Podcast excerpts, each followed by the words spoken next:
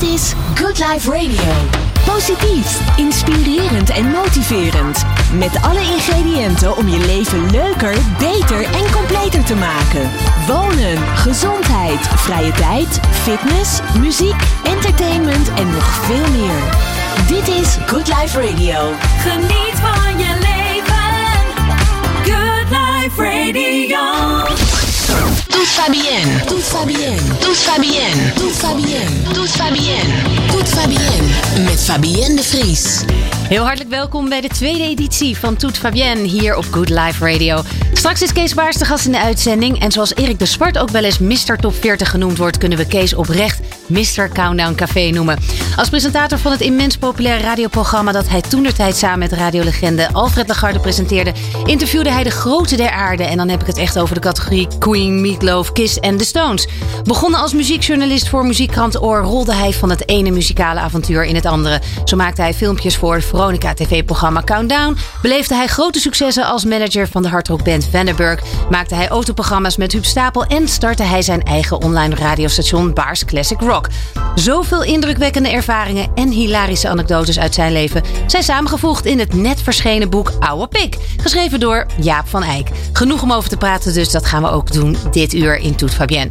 Verder hebben we natuurlijk nog de grabbelplaat die ik deze keer uit jullie verzoekjes ga grabbelen. Vorige keer had ik uh, niet genoeg tijd om een op vele verzoek Backstreet Boys plaat te draaien. Dus die uh, beloofde ik deze editie te doen. En omdat ik niet kon kiezen heb ik jullie opgeroepen um, wat nummers door te geven. En daar hebben we een soort van top 5 van gemaakt. Met op nummer 5 geëindigd Everybody van de Everybody. Everybody, Backstreet Back, die.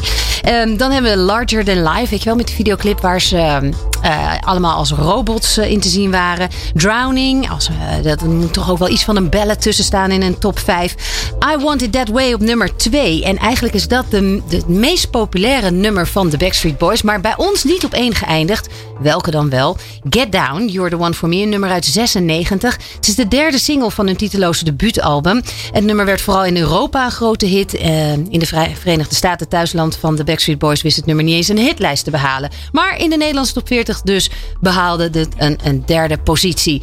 Hier in Toet Fabienne dus op Good Life Radio Backstreet Boys met Get Down. You're the one for me, you're my ecstasy, you're the one I need. Get down, yeah. Good Life Radio. Jouw lifestyle radiostation. Good Life Radio. Toet Fabienne. Met Fabienne de Vries. Hi Fabienne, hier José uit Hoofddorp. Ik zou graag uh, Come As You Are van Nirvana horen. Want ja, weet je, de jaren 90, dat waren gewoon de grunge tijden. En dat, ja, daar komt gewoon de beste muziektijd vandaan. Dus helemaal top. Nirvana, Come As You Are. Ja, leuk. De eerste aangevraagde plaat van vandaag. Hij gaat in de grabbelbak. Um, ja, nog heel even over de Backstreet Boys. Get Down. Ik zie ze nog zo met die grapevine op dat grote, schij, grote, ronde schijf in die videoclip. Konden ze gewoon ongegeneerd in die tijd praten over meisjes die maar uh, moesten gaan liggen en een beetje wiebelen. En uh, alle meisjes in katzwijm. Het is misschien wel leuk uh, wat laatste nieuws over Nick Carter te vertellen. Een van de zangers natuurlijk van de Backstreet Boys. Ze moesten met hun DNA World Tour stoppen, natuurlijk vanwege corona.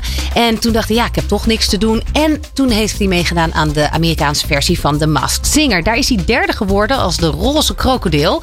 En een opmerkelijk uh, optreden was namelijk zijn uh, imitatie van Toxic van uh, Britney Spears. Waarin hij echt probeerde zijn vrouwelijke stem op te zetten om de, de jury een beetje uit balans te krijgen. Nou, hij is uiteindelijk als derde geëindigd. Maar wat nou zo leuk is, is dat vlak daarna de single samen met Britney Spears gelanceerd is. Een samenwerking. Wel één op afstand in verband met corona en, en de studio's. Maar zodra het mogelijk is, um, zullen ze wel uh, met elkaar een videoclip gaan opnemen. Eigenlijk al om hun waardering naar Bridget uit, of, uh, naar Bridget, Britney uh, uit te spreken. En het nummer heet Matches. Hebben we daar een fragment van? Fire is killing me, the good kind of killing me. Like playing with matches, matches, matches. Ah, lekker. Matches, it's like playing with matches. Nou ja, Britney Spears dus en de Backstreet Boys. Een eh, geweldige samenwerking. Ja, zij waren natuurlijk samen met NSYNC wel echt een revolutie als het gaat om pop in de jaren 90. En nou wil het ook nog het toeval dat Lance Bass van NSYNC en Nick Carter elkaar tegenkwamen in L.A. en dachten, goh, we waren altijd... eh, elkaars rivalen. Moeten we niet gewoon eens even een kop koffie met elkaar gaan drinken? Dus daar komt ook een samenwerking uit. In januari gaat hij daar meer over vertellen. Dan is hij jarig, onze Nick. En eh, nou ja, dan, eh, dan gaan we horen wat ze precies met elkaar gaan uitvogelen. Op dit moment is hij gewoon vooral coronavader aan het zijn. En zijn kinderen in bed aan het leggen. Tot zover de Backstreet Boys. Eh, Volgende keer doen we een Spice Girls top 5. Uiteraard mogen jullie je aanvragen nu al in- indienen. Dat kan eh, via de Instagram, mijn Instagram, Fabienne de Vries. Of via de Instagram pagina van Good Life Radio via een DM. Nou, voor de uitslag van die top 5 moet je nog heel even geduld hebben. Volgende maand is er namelijk weer een nieuwe Toet Fabienne. Te gast zoals aangekondigd. In de studio, hartelijk welkom Kees Baars. Kees Baars van Veronica, zou ik bijna willen zeggen. Ja, ik heb eh, veel dingen gedaan, maar Veronica was wel een hele belangrijke periode in mijn eh, leven. Met name door het programma Canaan Café. En toen jij Adam Curry ehm, ging interviewen, of je was met Adam Curry, je ging iemand anders in New York interviewen, werd je in een park, werd je herkend. Je dacht dat ze voor Adam Curry om een handtekening kwamen vragen, maar er waren een paar gozers en die zeiden ja nee, maar dat is toch Kees Baars van Veronica. Ja, was toen aan het filmen met Adam Curry. Die was toen waanzinnig populair. Niet alleen in Nederland, maar ook in Amerika. Werkte bij MTV. En toen eh, gingen we voor eh, Countdown, het tv-programma, gingen we eh, Curry Report gingen we maken. Dus ik, ging dan één keer per maand naar New York en dan maak, maakte ik drie of vier filmpjes. En dan konden we weer even vooruit. En ik stond een keer midden op straat en toen eh, eh, ging ik hem presenteren. En toen hadden we even een korte pauze. Er kwamen twee jongetjes naar hem toe. En ik, ik zag niet precies wat er gebeurde. Maar, en dan had de, zijn viltstift al uit zijn zak gehaald. Maar die zag ik ook weer terugsteken. En toen liepen die jongens naar mij toe. Toen kwam ze handtekening halen. En toen zei laatste. En ja, ze kwamen naar me toe. Meneer, mogen we iets vragen? Dat is toch Kees Baas daar van Veronica? Ja. Mogen we die om een handtekening vragen? Moest hij zijn, eh, zijn, zijn goed bewaarde filstift weer uit zijn zak halen voor, eh, voor jou.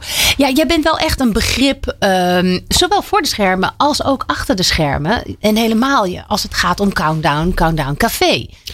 Ja, ja dat, dat presenteerde ik dus wel. Maar het heel veel van, van mijn andere werkzaamheden waren inderdaad allemaal achter de schermen. Ik heb Ja. heel veel, heel veel eh, regie gedaan en, en, en, en redactiewerk en dat soort zaken. En in mijn tv-programma's met Huub Stapel was ik altijd de man die achter de camera stond in plaats van daarvoor. Dus meestal was ik achter de schermen. Maar Count Café presenteerde ik samen met Alfred. Dan moet ik echt wel zeggen, Alfred was wel degene die, die zeg maar het programma maakte. Ja. Die, had, die, had, die wist een bepaalde sfeer te creëren en een bepaalde gezelligheid. En die zei vaak gekke dingen. En die kon ongelooflijk goed platen aankondigen en eh, zo. En ik deed dan op mijn serieuze manier de interviews. En ik zorgde dat het eh, allemaal een beetje in banen geleid werd. Dus ik had ook een draaiboekje gemaakt. En ik legde de plaatjes op volgorde voor Alfred. Want eh, dat moest iemand gewoon doen. Ja. Hij was een beetje chaotisch. Ga, gouden combinatie, jullie twee. Ja, Jullie hebben hoe lang samengewerkt? Best wel heel lang. van 82 tot 96. Ja. Dus toch 14 jaar. Wel met een paar onderbrekingen van mijn kant. Maar in grote lijnen 14 jaar lang. Ja, je hebt eh, een, een enorme track record waar we, nou ja, wat allemaal beschreven staat ook eh, in het boek Oude Pik. Dat heb je. Wat, wat was de aanleiding eigenlijk om dit boek te maken? Nou, twee van mijn vrienden, eh, Jaap van Eyck, de man die het boek geschreven heeft, en Tjerk Lammers, ook wel redelijk bekend inmiddels. Wij gaan regelmatig biertjes drinken met elkaar. En als je dan zeg maar met drie pensionados bij elkaar zit, die alle drie uit de muziekbusiness komen, dan krijg je al snel een mooie verhalen van vroeger. En Tjerk en ik, die hoorden steeds die verhalen van Jaap. Want die heeft, is muzikant geweest bij Q in the Blizzards. Met Herman Brood gespeeld, nou noem maar op. En toen zeiden wij steeds tegen Jaap. Jaap, jij moet eens een keer een boek schrijven over al die belevenissen van jou. Dat is echt zo leuk. Maar dat wou hij niet. Dan zei hij ook zo van, ja, wie wil dat nou horen? Wie, interesseert dat nou? Maar uiteindelijk hebben we zo aangedrongen dat hij op een gegeven moment zei... nou, ik, ik ga mijn eigen boek schrijven. Onder één voorwaarde dat ik daarna jouw boek mag schrijven. Zei hij tegen mij. En dan zei ik, nou, is prima. Afijn, hij heeft zijn boek geschreven, dus daar heeft hij een jaar over gedaan. Dat is verschenen eh, vorig jaar. Dat heet De Bas moet knorren. Hij was natuurlijk bassist. Ja. Een heel erg leuk boek geworden. Maar ja, toen hij het manuscript had ingeleverd, toen belde hij mij. Kees, we kunnen beginnen. En toen dacht ik van, oh, oh ja, natuurlijk, ik heb dat beloofd. Nou, toen moest ik wel. Want ik wilde het eerst ook niet. Maar Jaap die vond het dan weer zo leuk, want die vond mijn verhalen weer leuk. Ja. Dus toen hebben we toch maar eh, vorig jaar gestart, voor, voor het najaar. En waarom wilde je het in eerste instantie niet? Nou, omdat ik, net zoals Jaap, ook dacht van wie interesseert dat nou? Ja. En uiteindelijk heb je inmiddels duizend exemplaren verkocht. Ja, ik ben er nu inmiddels achter dat er toch veel mensen zijn die die verhalen wel willen horen. Of willen lezen in dit geval. Ehm, daar ben ik ook zelf ook eh, erg door verrast, moet je zeggen. Ja, je hebt het boek in eigen beheer uitgebracht. Dat was ook een bewuste keuze. Ja, omdat ik gewoon alles in eigen hand wilde hebben. Zowel de inhoud al- als de hele productie. En ik heb het dus. ehm, je kunt het boek bestellen. Dus het heet Boek on Demand. Dat betekent dat je zo nooit voorraad boeken hebt liggen. Want het is zo: als een boek besteld wordt door iemand, dan wordt het gemaakt door een machine. Wordt in een envelop gestopt en verstuurd. Dus, Ja, dus dus je hebt nooit boeken op voorraad. Precies, je hebt nooit ook eh, een overproductie. Nee, en je hebt ook nooit dat mensen nu aan mij vragen: Kees, wanneer komt er een tweede druk? Nou, dat, dat is dus niet zo. Dat, er is geen tweede druk. Het gaat gewoon door. En Er is inmiddels al een duizendste druk dus. Zo kan je het ook zeggen. Ja, Ja, precies. Duizend keer één. Eh, en ehm, hoe, is het, hoe is het boek opgebouwd? Wat kunnen we erin in terugvinden? Nou ja, ik, ben, eh, ik, heb, ik heb de eerste paar hoofdstukken een beetje gewijd aan hoe ik eh, geïnteresseerd ben geraakt in de muziek. Maar goed, dat moeten mensen even zelf lezen. Later ben ik dus Rodi geworden in, eh, bij een, eh, een band. En als je niet weet een Rodi is, maar dat is de man die de, de apparatuur eh, heen en weer rijdt en shout en alle stekkers erin stopt. Ja, want jouw oom werkte bij een platenmaatschappij, Ja. toch? Als platenpromotor. Ja. Ja. Dus die nam, die nam zijn neefje Kees overal mee naartoe. Ja. Dat was mijn oom Aart, dat is broer van mijn vader. En die was van huis uit muzikant. En die speelde in de jaren 50 en 60 in allerlei nachtclubbandjes. En eh, dat ging allemaal heel goed. Maar op een gegeven moment, toen de popmuziek heel populair werd, toen werden die nachtclubbandjes, dat werd allemaal een beetje, ja, dat ging allemaal weg. En toen is hij bij een plaatsmaatschappij gaan werken, CBS. En toen kon hij dus vrijelijk beschikken over platen. Dus als wij jarig waren, ik heb twee oudere broers, dan kregen we altijd een zakje platen. Nou, dat was natuurlijk ongekend in die tijd, want misschien kregen wij een kwartje zakgeld. Dat konden we zelf nooit kopen. Nee. We waren nog jong. Later ging dat natuurlijk beter. Maar toen had hij ons al van heel jongs af aan, eh, had hij ons al heel veel platen gegeven. Dus ik groeide op met die rock'n'roll, begin jaren 60 praat ik over. Ik had Chubby Checker en, en, eh, en Chuck Berry en dat soort muziek allemaal. En dat was voor ons het begin van de interesse in muziek. Uiteindelijk eh, ontwikkelde zich nou, die carrière voort. Je bent uiteindelijk ook eh, bij, bij een platenmaatschappij. Nou ja, eerst eigenlijk bij, als muziekjournalist bij de Oor. Dat was mijn eerste echte baan, ja. Ja. In eh, 1975 was dat. Ik leerde via vrienden leerde ik iemand kennen. Die heet Bert van der Kamp. Die werkte als redacteur bij Oor. En hij schreef over hardrock, maar daar lag zijn hart niet helemaal. Hij wilde liever over andere artiesten schrijven. Toen leerde hij mij kennen. En ik studeerde Nederlands. En ik kon dus wel redelijk drie woorden achter elkaar schrijven. En ik was gek van hardrock. Dus hij vroeg mij, wil jij dat niet eens een keer wat een, eh, een plaat recenseren over van een hardrockband? Ja. Nou, dat heb ik toen gedaan. Toen heeft hij het ingeleverd bij Oor. En daar vonden ze de recensie goed. En hebben ze geplaatst. En toen hebben ze gevraagd of ik daar eh, voor vast wilde komen. Je bent, eh, nou ja, daarna is, is er van alles gebeurd. Als je het zou moeten omschrijven, de jaren 70, 80, 90, dan stonden de jaren 80 in het teken van Countdown Café. Zou je dat zo kunnen stellen? Nou, ja, maar ook mijn het manager van Vellenburg. Dat was van 82 tot 87. En wat ik deed allemaal, ik deed allemaal bij, tussen, tegelijk, zeg maar. Dat was van 82 tot 96. Ja, precies. dus, dus als je de jaren 80 wil eh, karakteriseren, is het toch echt wel Vandenberg en Café. Ja, ja dat, dat is ook echt een fantastisch mooi verhaal. Ehm, ja, jij hebt ze eigenlijk naar Amerika, je hebt, je hebt ze laten doorbreken in Amerika. Dat ging via Engeland. Ja, laten doorbreken is, is misschien wel sterk. Maar ik heb er wel voor gezorgd dat zij een internationaal plaatcontract eh, kregen bij Atlantic Records, de Amerikaanse maatschappij. En dat hun debuutalbum en hun debuutsingle gewoon over de hele wereld uitkwamen. Ja, en toen zei je van nou, leuk, ik heb dat contract geregeld. Dan ga ik ook als jullie manager mee. Ja, toen dacht ik van nou, eh, ik, had, het- ik had het gevoel dat er wel wat bijzonders ging gebeuren.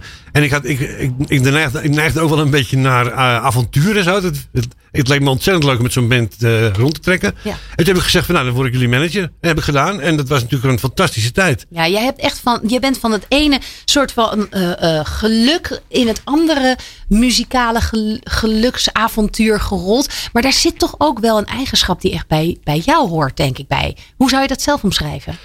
Nou, kijk, in, in wezen ben ik wel een zondagskind, Fabienne.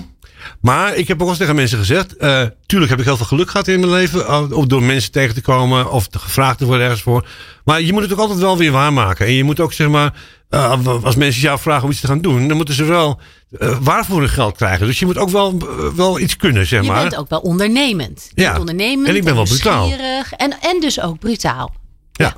Nou ja, dat is vaak de manier om ergens eh, verder te komen. Ja, nog even terug naar het boek. Eh, ik, er staan fantastische foto's in met allemaal gezichten die we vandaag de dag nog kennen. En, eh, Ja, meer dan 200 foto's, hè? Ja, hoe, hoe lang heb je erover gedaan om die te selecteren? Eh, nou, wel vrij lang. Want ik heb namelijk een geweldig groot archief. Ik heb thuis denk ik wel 10.000 foto's. Allemaal, nou niet allemaal, maar de meeste werkgerelateerd. Dus over wat ik allemaal meegemaakt heb.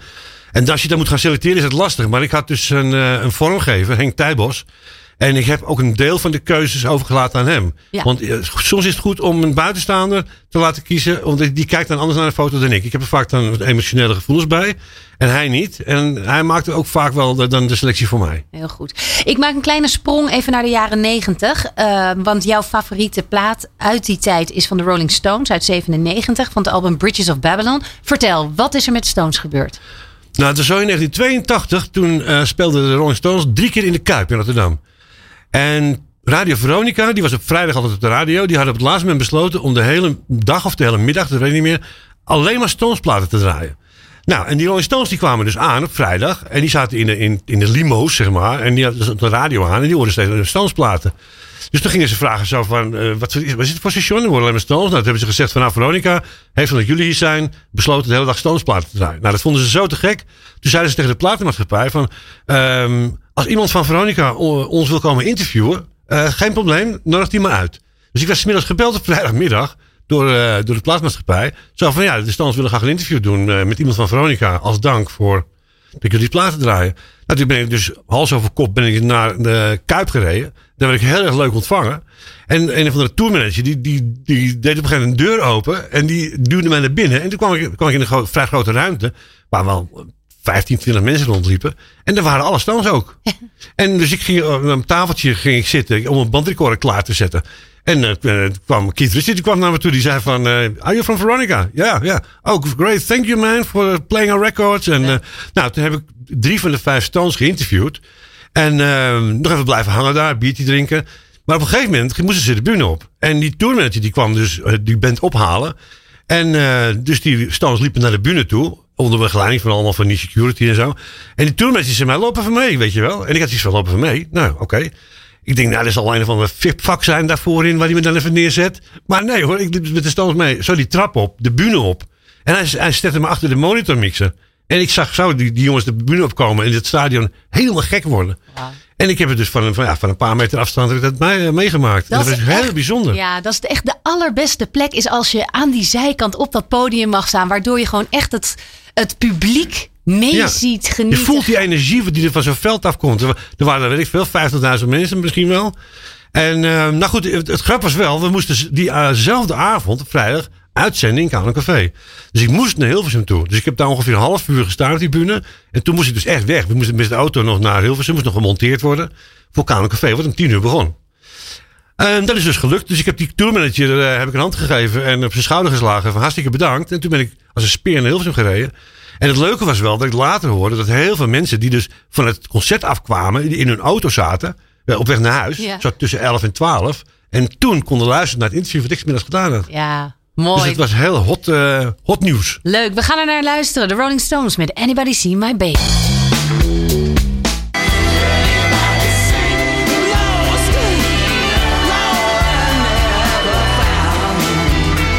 Ja, de Rolling Stones, Anybody Seen My Baby. Dat is de favoriete jaren 90 plaat van Kees Baars. Waar we zo mee verder gaan praten. Maar ik heb eerst eh, nog een uh, grappelplaat aanvraag van Desiree van Mare uit Utrecht. Ze wil Shania Twain met You're Still the One uit 98. Omdat ik tijdens mijn eindexamenfeestje eindelijk die knappe gozer ten dans durfde te vragen. Inmiddels is die gozer al 22 jaar mijn buddy for life. Hebben twee fantastische dochters. En heet de oudste niet geheel toevallig Fabienne. Oh, je moest eens weten hoeveel van die, van die eh, geboortekaartjes ik in die tijd heb eh, ontvangen. Hartstikke leuk. Nou, het zal ongetwijfeld een hele leuke meid zijn. Lang blond haar of zo. Geen idee. Maar dankjewel Desiree. We gaan hem eh, erbij doen bij de grabbelton. En kijken of die eruit komt strakjes. Ehm, hebben we nog wat via de voice tracks? Hoi Fabienne, ik ben Sander en ik zou graag Tupac Changes willen horen.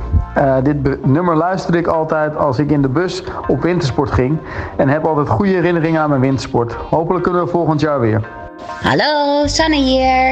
Ik wil graag eh, Wonderful Days aanvragen van Mental Dio. Eh, want daar heb ik ontzettend leuke herinneringen aan. Sowieso in mijn basisschoolperiode als eh, gabbertje. Eh, lekker veel opgehakt. Maar ook later met mijn vriendin toen we een weekend weggingen. We waren gedumpt door onze vriendjes. Hebben we met een groot fles Prosecco dit liedje keihard meegeblerd. Ja, dat voelde gewoon goed. En later ook nog eens een keer op de wintersport. Echt, we waren hartstikke lam. Hebben we het nog een keertje met elkaar gezongen. We hebben er gewoon een hele goede herinnering aan. Ook al was dat dan de rustige versie van Sanne Hansen. Maar ik zou hem graag nog eens horen. Oh, wat een Dus goeie. als het kan, heel graag. Ja, we gaan hem erbij doen. Jeetje, ja, de en Mental Theo. Nou, wat waren dat ook grote, eh, de grote gasten in, eh, in de jaren negentig. Ehm, ik weet nog dat we met TMF een keertje ook in Meijerhoven opnamen. Dus dat was tijdens zo'n wintersport, eh, eh, nou ja, periode. En eh, in die TMF-tijd, dat was eh, behoorlijk gekkenhuis. Nou, we gaan kijken wat het, eh, wat het wordt. Ik heb nog één grabbelplaat eh, binnengekregen via de DM. En die is van Ralf Denen. Eh, Slave to the Music van 24-7. Ja, hoort er natuurlijk ook bij. Nou, gaat er ook bij. We gaan eh, verder met Kees. Ehm, ja, even, je bent ehm, eh, terug. Of, eigenlijk, je bent een echte hardrocker eigenlijk, hè? Ja, ik ben van huis uit een echte hardrocker. Misschien wel leuk om te vertellen dat, dat bij mij dat allemaal eh, ontstaan is toen ik in 1969 het eerste album hoorde van Black Sabbath. Toen was ik eigenlijk gewoon verkocht. En hoe kwam je daaraan, aan dat, aan dat album? Nou, dat, ik denk gewoon gekocht. Ja. In de winkel. Hele, hele intrigerende hoes. En die jongens van de winkel die hadden gezegd, ja, dat is wel hard hoor. En, en ik was al ge- geïnteresseerd in harde dat muziek. is het ook. Want ik was al, ik was al eerder fan van, van Jimi Hendrix en de Cream en dat soort bands. En de Who vooral. Eh, en toen eh, heb ik die gekocht en meegenomen naar huis. En toen eh, was ik eigenlijk gewoon helemaal om. Ja. Zo van, dit is de muziek. En op een gegeven moment in de jaren negentig k- kwamen Metallica, die natuurlijk van oudsher bijvoorbeeld ook wel echt uh, hardrockband was, die kwamen toch met wat softere muziek. Hoe heb jij zo'n ontwikkeling ervaren? Nou, ik heb Metallica, de- ja, ik begin er nu over, maar daar heb ik nooit wat aangevonden. Zowel in het begin niet, toen ze Echte dus rockers snoeihard houden niet van waren. Metallica. Wat zeg je? Echte rockers houden niet van Metallica, want dat is te soft. Nee, dat is niet te soft. Ik vond het, in het begin waren ze namelijk snoeihard, maar toen vond ik het gewoon teringherrie. Mhm. En later, toen werd het inderdaad allemaal wat commerciëler. En toen had ik zoiets van, ja, weet je, dat hoeft voor mij niet. Nee, ik ben nooit een fan van Metallica geweest. Nee. Ehm, als je nou nadenkt over al die reizen die je gemaakt hebt, die, al die artiesten die je geïnterviewd en ontmoet hebt, wat, is er, wat steekt er als kop en schouders boven? Je hebt natuurlijk een heel boek volgeschreven, maar welke komt er nu op in jouw gedachten? Als je me zo vraagt, dan denk ik aan een paar dingen, waaronder bijvoorbeeld Meatloaf. Vertel. Het was zo, ik was in Amerika voor eh, interviews te doen. En toen was ik bij CBS en het eh, meisje van de platenmaatschappij die zei tegen mij...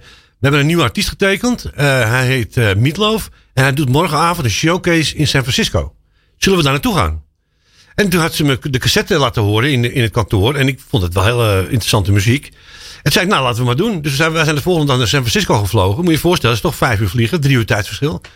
En toen kwamen we in een vrij klein clubje in eh, die Old Waldorf. Dat weet ik nog wel. Dat is ongeveer met tafeltjes en stoeltjes. Ik denk 150 man of zo. Maar dan zag ik ook wel een paar bekende mensen rondlopen. Rond Todd Rundgren. En eh, de zanger van, eh, van eh, The Tubes. En eh Bos Keks. En die zaten daar in het publiek. Ik denk, hé, hey, hier is wel wat aan de hand. Nou, toen was dat concert. En het, en het concert vond ik echt geweldig. Ik was totaal eh overbluft daardoor. Ik vond het echt supergoed. En toen heb ik dus, na afloop heb ik de Meatloaf eh geïnterviewd. En ook Jim Steinman, dat is de man die piano speelt in de band, maar die ook alle liedjes geschreven had. En hij de productie ook samen gedaan had met eh Todd Rundgren. En toen kwam ik terug in Nederland. En toen heb ik dus een verhaal geschreven in, in Oor. Maar die plaat was wel uit, maar daar gebeurde eigenlijk nog niks mee. Vervolgens was het stom toevallig dat de clip van Paradise by the Dashboard Light, die lag bij Lex Harding. En die was eh, op een gegeven moment, was er op zaterdagavond een programma uitgevallen. En die had geroepen van, gooi die clip van Meatloaf er maar uit. Dus die was op zaterdagavond uitgezonden. En toen explodeerde het in Nederland. Toen was hij binnen no time single nummer 1, album nummer 1. En het leuke was dat, dat Meatloaf in New York van zijn plaatmaatschappij hoorde dat hij in Nederland ineens één stond met alles. Dus die Meatloaf die denkt, oh dat komt door die Kees Baas die hier laatst was. Dus die heeft meteen tegen zijn maatschappij gezegd, nodig hem uit. En, want ik wil graag wil ik hem bedanken. Dan gaan we lekker uit eten en zo. En dan kan hij nog meer interviews doen als hij wil. En nou, de plaatmaatschappij die zei dat tegen mij. Van ja, Meatloaf wil graag dat je naar New York komt weer. En toen hoorde Lex Harding dat van het maat- plaatmaatschappij. En die belde me op en die zei... Ik heb een nieuw popprogramma, dat heet Countdown. Wil jij niet met die Meatloaf ook een televisieinterview doen? Ja. En dacht ik van een televisieinterview? Ja, hoe moet dat dan? Zei hij, nou, kom even bij me langs, dan vertel ik je wel hoe dat, hoe dat moet. Nou ja, lang verhaal kort. Ik heb dat tv-interview gedaan naast het interview dat ik deed voor Oor. En dat heb ik ingeleverd bij Lex. En die was er heel tevreden over. En die heeft het uitgezonden in Countdown. En hij was natuurlijk de enige die in Nederland die een exclusief interview met, met Meatloaf had. En, die, en was ongelooflijk hot in Nederland toen. Hij heeft volgens mij twee maanden ermee gestaan. Nou, en toen zei Lex tegen me van weer geen redactie eh, gaan worden, redacteur worden van het programma. Want ik heb iemand nodig die met dit, dit soort dingen aankomt. Precies. Nou, toen zei ik, nou ja, eh, graag. Ja. Toen werd, werd het, kwam het zo weer aanwaaien, zeg maar. En toen werd ik dus echt officieel redacteur van Countdown. Ja, weet je wat wel heel opvallend is? Als muziekjournalist in de jaren 80, 90, daar waren echt de gouden tijden. Alles kon. Overal was geld. Ja, er was er zo ontzettend veel geld ging erin om. Ik zeg wel eens tegen mensen, eh, om een voorbeeld te geven, een LP kostte in die tijd zeg maar 20 gulden. En er ging gewoon een tientje in het plaatmaatschappij. Die maakte gewoon 50% winst op hun product. Ja. Nou, dus als jij op een gegeven moment, als er dus promotie gemaakt moet worden voor een nieuw album of een nieuwe single, dan werd er een flink, eh, werd, werd flink van geld uitgegeven. Als ik tegen de maatschappij zei van, nou, ik vind die nieuwe plaat van Aerosmith te gek. Eh, ik zag dat ze eh, het optreden zijn in Amerika. Eh, kan ik daar naartoe? Nou, dan werd er een, een business class ticket geboekt. Je zat in een vijf sterren hotel. Soms kreeg je nog een limousine voor de deur die alleen voor jou was als je ergens naartoe wilde. Fantastisch. En dat was allemaal, dat was, eigenlijk was dat normaal in die tijd. Ja.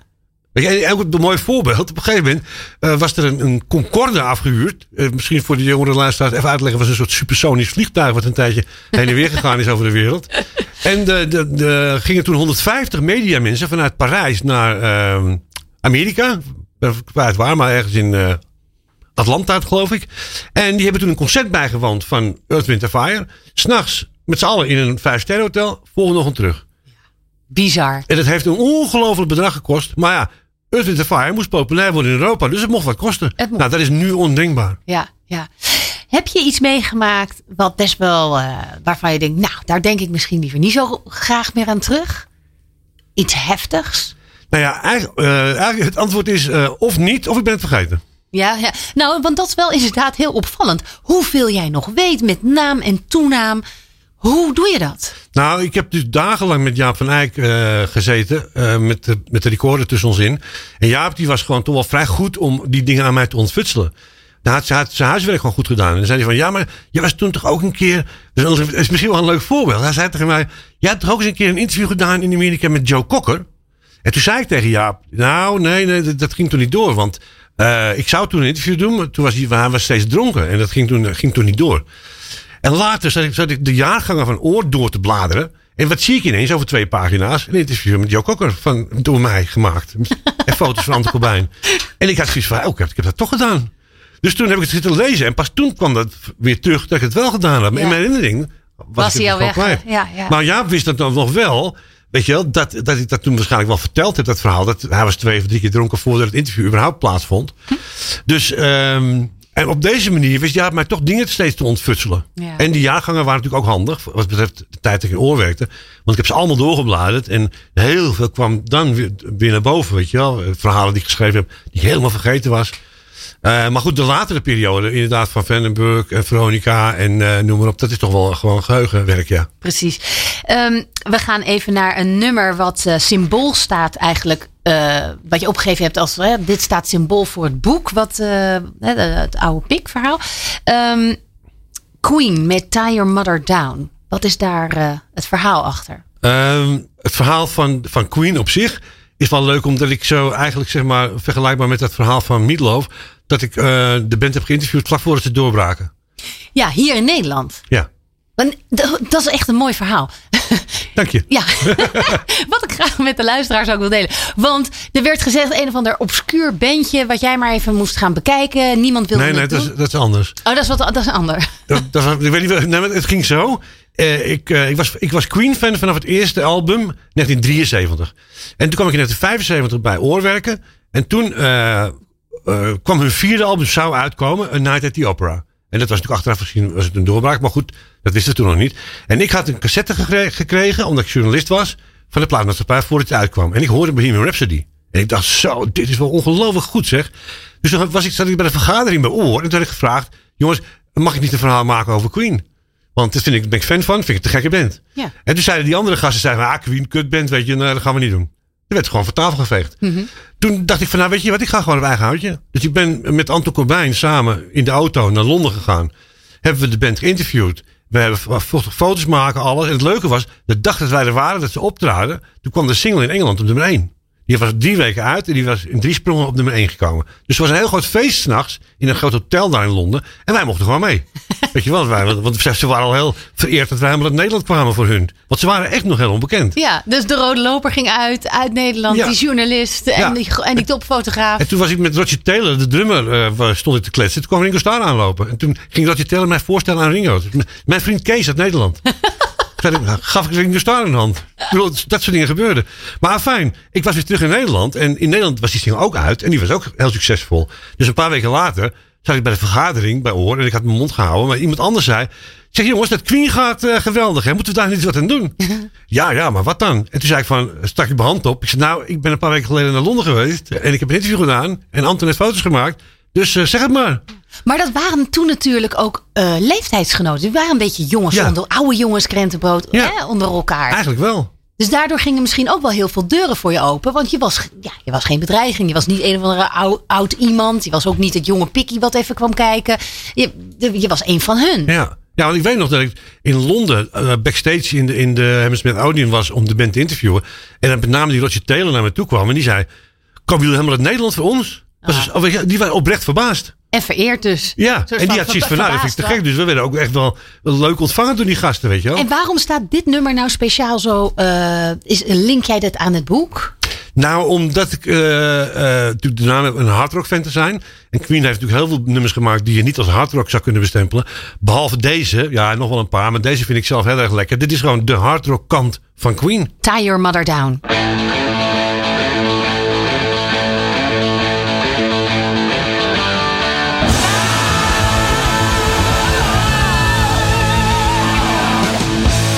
Zo, dat is om je even eh, nog op deze donderdagmiddag wakker te schudden. Tie Your Mother Down.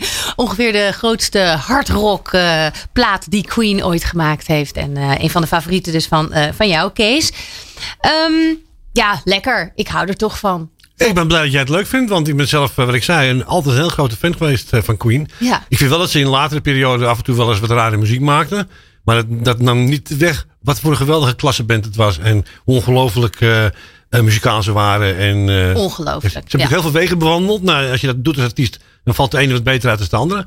Maar uiteindelijk, als je dan kijkt naar, naar eh, Innuendo, de latere platen, en dat, dan is het allemaal toch weer waanzinnig goed. En dan, dan hoor je ook wat ze allemaal geleerd hebben in al die jaren. En dat vind ik ook fantastische muziek. Dus ook het, eind Ja. van de, hun carrière. Ja, we gaan ehm, eh, zo direct nog heel eventjes met jou verder. Maar ik heb hier een heel schattig berichtje binnengekregen van Petra van Miersum. Die wil eh, de groeten doen aan haar lieve oma uit Friesland. Speciaal voor dit moment heeft zij via FaceTime geholpen de iPad op Good Life Radio af te stemmen. Om haar via de radio de lieve groeten te doen. Nou, oma van Petra, wij van Good Life Radio wensen u ook een hele, hele fijne feestdagen en een heel gezond nieuw jaar toe. En ook een berichtje van Chris Woertman, nog een eh, grabbelplaatje. No Doubt Don't Speak uit 96 voor, eh, voor zijn zusje Tamara. Want die kwam mij altijd storen terwijl ik TMF en de dag op 5 wilde kijken. Ze was net een stukje jonger, snapte niet dat ik dan niet gestoord wilde worden. Omdat ik zat te wachten of mijn favoriete clip voorbij kwam. Super irritant, maar voor haar dus die plaat in de, grabbel de grabbelbak. Ehm ja, Kees, eh, nog heel even countdown. Eh, het- loopt het nu nog steeds? Of wat, wat? Kan een café bedoel je? Ja? Nou, het is zo. Ik vertelde net dat ik eh, vijf jaar geleden bij Veronica weer ben gestart. Maar dat was na twee jaar was dat voorbij. Omdat Veronica werd overgenomen door Talpa. En eigenlijk werd de hele oude garde. Zoals Erik de Zwart, Jeroen van Inkel, noem maar op. En ik werden eruit gegooid. En toen ben ik eigenlijk verder gegaan in de Q-Factory in Amsterdam. Dat is een soort paradiso melkwegachtig gebouw. Met concertzalen. Maar ook met oefenruimtes en zo. En met NH Radio. Dat is dus eh, regionale, wat vroeger Ja. Radio Noord-Holland was. En toen eh, is het programma toch weer opgestart. Toen ben ik eh, wekelijks in de Q-Factory gaan opnemen voor het eerst van mijn leven. En het werd dan op zondagavond uitgezonden. En dat ging hartstikke goed. Want het was elke dinsdagavond namen we op en het was super gezellig. En allerlei geweldige bands ook opgetreden. Maar met corona hield het op. En sindsdien maak ik elke zondag een, een best-of uitzending voor... in, in afwachting van betere tijden. Ja. En je hebt je eigen eh, radiostation, Bars Classic Radio. Ja. Met de meeste gitaarsolo's ter wereld. Is de Je ondertitel. hebt opgelet. Ja. Ja, ik wilde, ik wilde op een gegeven moment zeg maar, een soort slogan ophangen eh, om mensen een beetje te triggeren. Zo van, eh, weet je dat wel zeker, Kees? En dan zeg ik van, nou nee, maar het klinkt goed. Wat maakt, en dat is mijn laatste vraag voor jou. Wat maakt een gitaarsolo goed? Want er zijn er nogal wat. Ehm, nou ja, als die, ten eerste moet die wel redelijk lang zijn. En ik vind ook dat je dat op een gegeven moment, het, eh, ja, het is vaak eh, een combinatie tussen techniek en gevoel. Want wanneer krijg jij dan kippenvel? Nou, ehm, Ja, heel vaak. Eh, als, ik, als ik Jimi Hendrix hoor bijvoorbeeld. Dat is natuurlijk wel heel oude lullenachtig. Maar ook, ook met, Van- met Van Halen. Eddie Van Halen die vorig jaar of afgelopen jaar overleden is. Iemand als Gary Moore. Die ook zoveel emotie in zijn muziek kan leggen. Je hebt gewoon gitaristen. Die kunnen gewoon met, met, met, met hun instrument zeg maar een verhaal. emotie overbrengen. En Ja. dat vind ik heel bijzonder.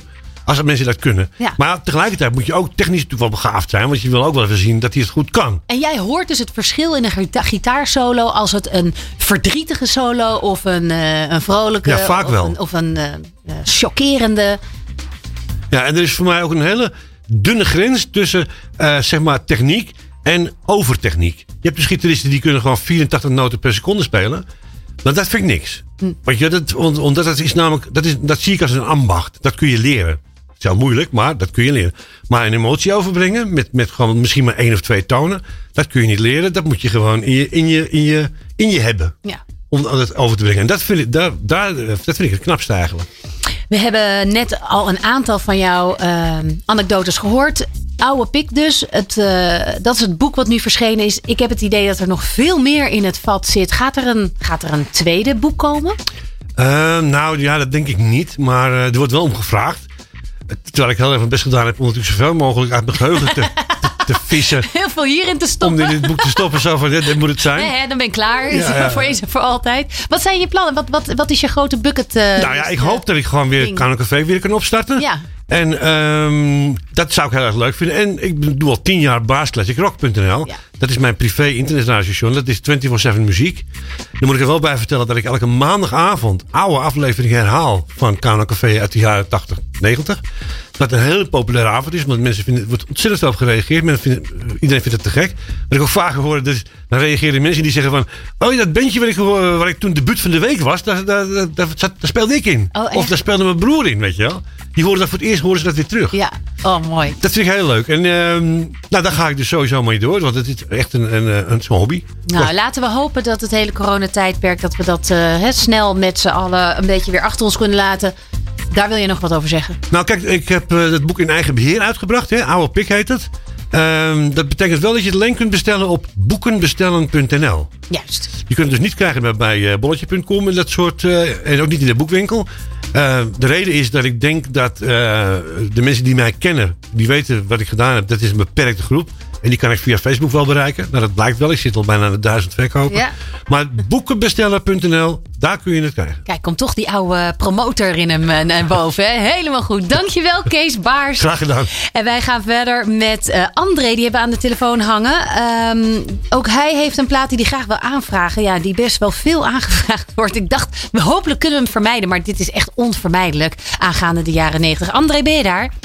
Ja, ik ben er. Hartelijk- Ik laat hem duidelijk te verstaan. Ja, je bent heel duidelijk te verstaan. Hartelijk welkom in de uitzending. Ja, Britney Spears, Hit Me Baby One More Time. In vredesnaam, waarom wilde je deze plaat horen? Vertel. Waarom wilde ik deze plaat horen? Eh, waar zou ik beginnen? ik ben als eerste ik ben met haar opgegroeid als eh, klein jongetje.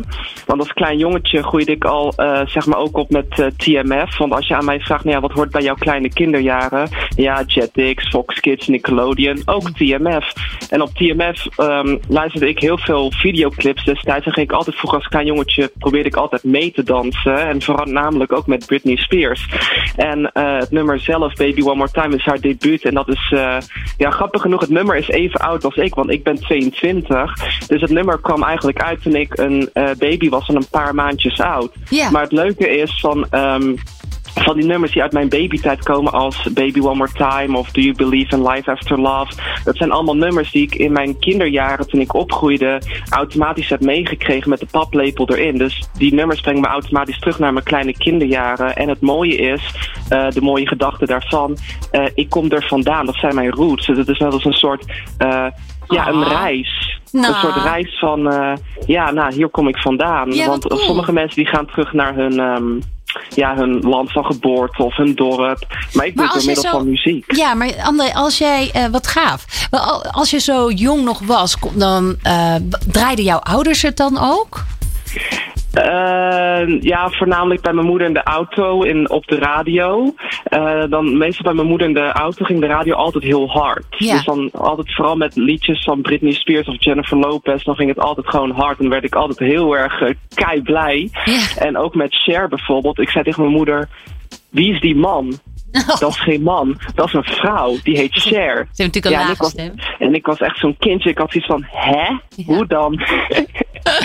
Eh, en, en hoe vind je het nu dat ze die samenwerking met de Backstreet Boys eh, gedaan heeft? ik, vind dat, ik vind het kicken, ik vind het leuk. Backstreet Boys vind ik zelf ook wel, eh, vind ik wel echt goede gasten, ja. Leuk. Nou, wil je hem aankondigen zelf? Ik wil hem heel graag aankondigen. Ga je gang. Ladies and gentlemen, we gaan luisteren naar The Chick of the 90s en de Zero's. Mijn favoriete aantrekkelijke blonde chick, Britney Spears. Baby, one more time.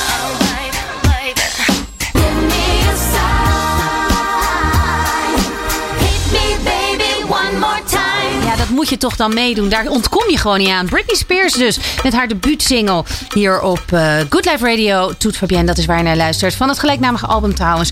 Ehm, die single die is in 99 hier in Nederland uitgebracht, maar al iets daarvoor in eh, de States. Het is geschreven door producer Max Martin. Max Martin. Martin ehm, onder sterke invloed van nummers van ABBA. Het was oorspronkelijk trouwens bedoeld, dit nummer, ehm, voor de groep TLC, maar die wees het af. Helaas. Ja, dan loop je gewoon echt een hele dikke vette hit mis. Zo gaat dat in de muziekwereld. Het nummer eh, gaat eh, over dat Britney er spijt van heeft dat ze haar vorige relatie beëindigd is. Nou ja, wat weten we over Britney vandaag de dag? Dat ze natuurlijk al jaren onder curatele staat van haar vader. En verder doet ze er op Instagram alles aan om dat voorlopig tegen beter weten in, in, stand te houden. Ehm, desalniettemin heeft ze inderdaad net eh, met de Backstreet Boys eh, het nummer Matches uitgebracht. Ehm, we hebben voor de grappelplaat een beller aan de lijn. Hallo. Hallo, goedemiddag. Eh, goedemiddag. Ehm, met wie spreek ik? Met Ralf Denen. Dag Ralf, hartelijk welkom bij, eh bij Toets Fabienne in de uitzending. Ja, jij, Hallo, jij, leuk. hebt- jij hebt, eh, we hebben gegrabbeld en ehm, jouw plaat eh, gaan we draaien. Je hebt gekozen voor Slave to the Music van 24-7. Waarom, ja. Ja. waarom die plaat? Vertel. Nou ja, het is een echt eh 90s knaller. Ik krijg er altijd goede zin van als ik dat nummer hoor. Het is een, ja, echt zin een in wat? plaat. Goeie zin in wat? Eh, gewoon algemeen, hele goede zin. Ik word er altijd blij van. Eh, als ik hem hoor op de radio, of ik heb hem zelf ook op cd nog van vroeger. eh, als ik hem een keer draai, meteen positief. Lekker, ja, lekker humeur. Ja, je gaat er gewoon van dansen. En kan je nog herinneren een situatie waarin je dit nummer hoorde in de jaren negentig? Nou, hij is denk ik net iets van voor mijn tijd, van begin jaren negentig. Ehm, ik heb hem dus pas iets later ontdekt. Maar eh, ja, ik vind hem gewoon, eh, ook als ik thuis aan het poetsen ben of zo, ik zet dat lekker op en dan eh, ga ik als een trein het hele huis door. Ah, goed zo. Je mag hem aankondigen. We gaan er lekker naar luisteren. Oké, Ik ga niet poetsen hoor. Ik ga wel gewoon dansen. ja, ik doe met je mee. Oh, goed zo. Kondig hem maar aan. Oké, hier is eh, 24-7 met Slave to the Music. Dank je.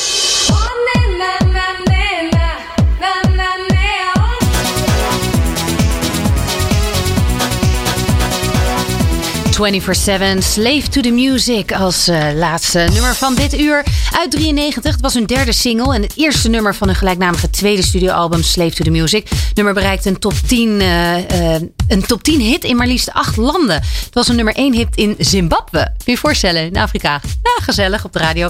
Piekte op nummer 2 in Australië. En momenteel zijn ze nog steeds actief. Eh, we hebben in de TMF Talk Nens natuurlijk ook eh, gehad.